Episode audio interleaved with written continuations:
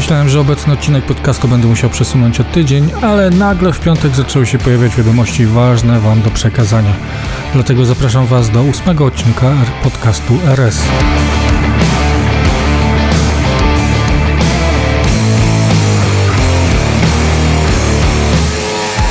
Na początek informacja o uśrednionej cenie paliw na polskich stacjach. Wciąż obserwujemy wzrost ceny.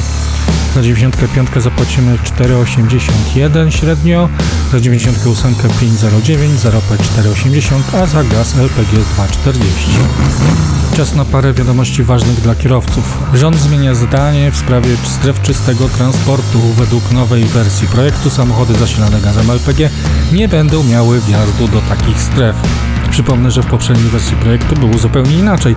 Samochody z LPG trafiły na czarną listę Ministerstwa Środowiska i Klimatu ku uciesze ludzi z PSPA, Polskiego Stowarzyszenia Paliw Alternatywnych. Według tabeli przygotowanej dla nowego projektu ustawy auta z silnikami benzynowymi, dieslem i LPG nie będą miały możliwości wjazdu do takich stref.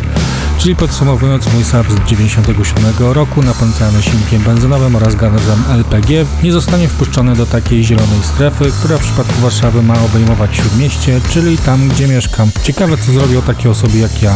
Mają się wyprowadzić, zmienić auto pod przymusem? Na razie uważam, że nie należy się przejmować tym projektem do czasu, aż nie będzie to ostateczna wersja.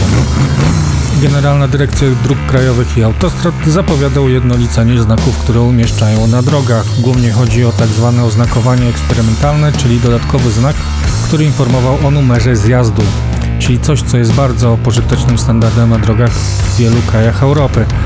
Nawigacja czy mapa informuje, że mamy zjechać na zjeździe numer 56, to zjedziemy na właśnie tym zjeździe, a nie na kolejnym, mijając ten właściwy. Ta deklaracja bardzo mnie cieszy i na pewno ucieszy także Was.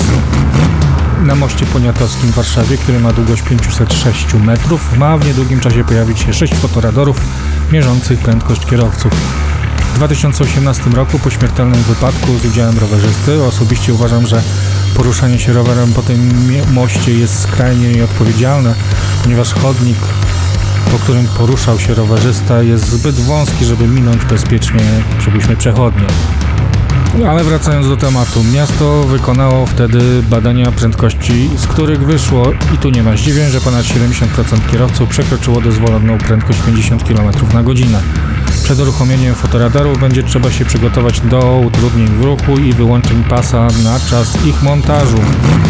Oto Moto, czyli największy serwis ogłoszeniowy, jeśli chodzi o motoryzację, pochwalił się statystykami, co Polacy wyszukują, za ile i co chcieliby kupić. Z zaprezentowanego raportu wychodzi, że najchętniej szukamy auta do 30 tysięcy złotych, a najczęściej szukamy BMW M3 albo Audi A4. I tym jakże pasjonującym newsem kończymy wiadomości na dzisiejszy odcinek. Czas na polecajkę do słuchania, a nią jest nowy album Foo Fighters, Medicine After Midnight. Album miał zostać wydany w zeszłym roku, lecz przez wiadomo co premiera odbyła się niedawno. Dziewięć nowych kompozycji Dave'a Groha z razem zespołem o łącznej długości płyty wynoszącej 37 minut. Jak zawsze dobra, jak zawsze z dobrymi singlami.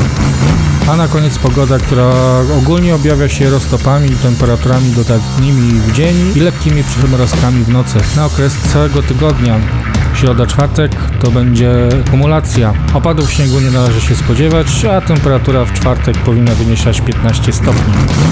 I na koniec, o ile dotrwaliście, zapraszam Was do zostania patronem Ratujemy Sabinę i do słuchania następnego odcinka za tydzień.